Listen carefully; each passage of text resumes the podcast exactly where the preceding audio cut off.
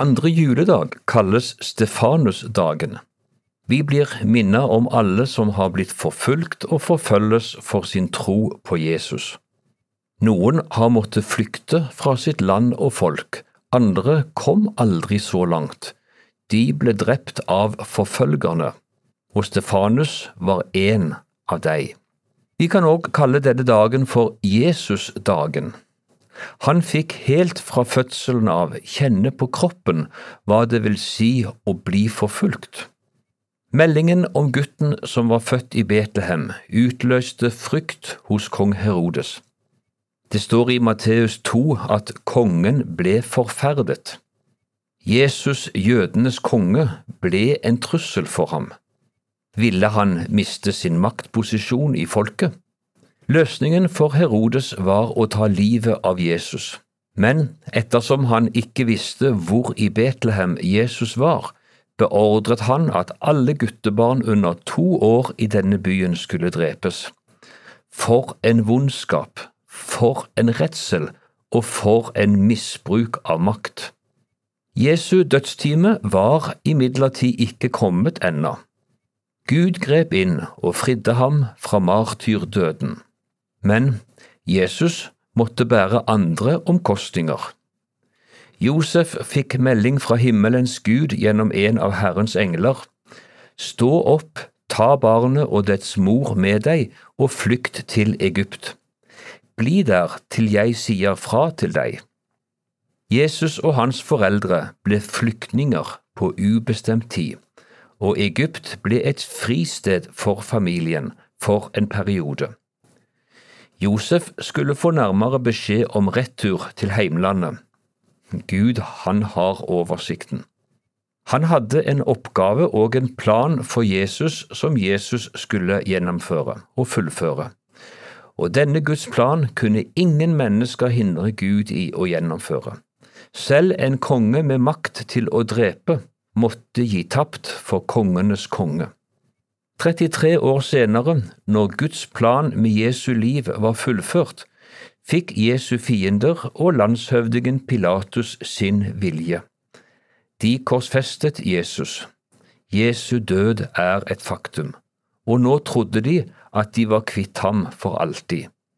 De tok grundig feil. De kunne nok drepe Jesu legeme, men de kunne ikke ta det evige liv som Jesus eide. Gud oppreiste Jesus fra de døde og ga ham et nytt legeme. Døden var ikke det siste, den var nå overvunnet, beseiret. Og Stefanus vitner om dette når han står ved dødens dørterskel. Se, jeg ser himmelen åpnet og menneskesønnen står ved Guds høyre hånd. Mens steinene haglet mot ham, ba han, Herre Jesus, ta imot min ånd. Stefanus så den levende Jesus og overga på nytt sitt liv i hans hender. Og samtidig tenkte han på sine fiender når han ba, Herre, tilregn dem ikke denne synd. Begge disse bønnene er som ekko fra Jesu bønn på korset. Far, i dine hender overgir jeg min ånd. Far, forlat dem, for de vet ikke hva de gjør. Jesu kjærlighet til sine fiender var like sterk i dødens stund som den hadde vært gjennom hele hans liv. Andre juledagstekst forstyrrer kanskje idyllen i julefeiringen. Hvorfor bli minnet om lidelse, forfølgelse og død i den søte juletid? Svaret er enkelt, vi trenger denne påminnelsen. Den som vil leve et liv med Jesus, må kalkulere med noen smertelige omkostninger. Å bli en kristen betyr ikke å bli fridd fra lidelse, motgang og død. Det er heller motsatt. I tillegg til den smerte, sykdom, lidelse og død alle mennesker opplever, uavhengig av om en tror på Jesus eller ikke, så må en kristen bære på noen tilleggslidelser. Jesus sier at en tjener er ikke større enn sin herre. Har de forfulgt meg, så vil de også forfølge dere. Johannesevangeliet kapittel 15 vers 20. Ikke så lyse utsikter, menneskelig talt. Men sett fra Guds ståsted er perspektivet annerledes.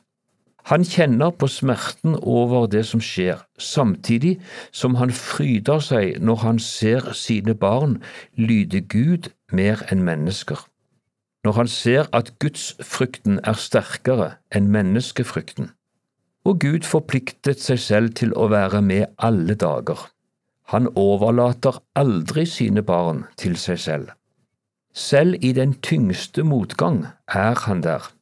Stefanus fikk se en åpen himmel med Jesus som sto oppreist for å ta imot den lidende tjeneren som snart kom hjem til målet. Det er nok de færreste av oss som får en slik åpen himmel over vårt dødsleie. Vi har imidlertid mange ord fra Jesus som vi får holde fast ved, og et av dem lyder slik.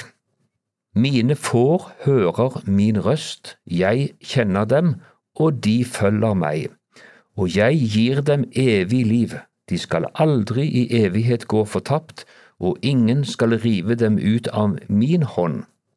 Min far, som har gitt meg dem, er større enn alle, og ingen kan rive dem ut av min fars hånd. Johannes evangelium kapittel 10 vers 28 og 29. En Jesu disippel er plassert i Faderens og Sønnens hender, og disse hendene ville bevare og bære oss gjennom all lidelse, forfølgelse og død. Om jeg enn skulle vandre gjennom dødsskyggens dal, frykter jeg ikke for ondt, for du er med meg, din kjepp og din stav, de trøster meg, sier David i Salme 23. Og her taler han om den gode hyrden så får vi overgi våre liv i Gud Faders hender. Da gjør vi det Jesus gjorde, og det er trygt. La oss be. Vi takker deg, gode Gud, at vi får overgi oss til deg igjen, og takk at du er med oss alle dager og alle netter. I Jesu navn. Amen.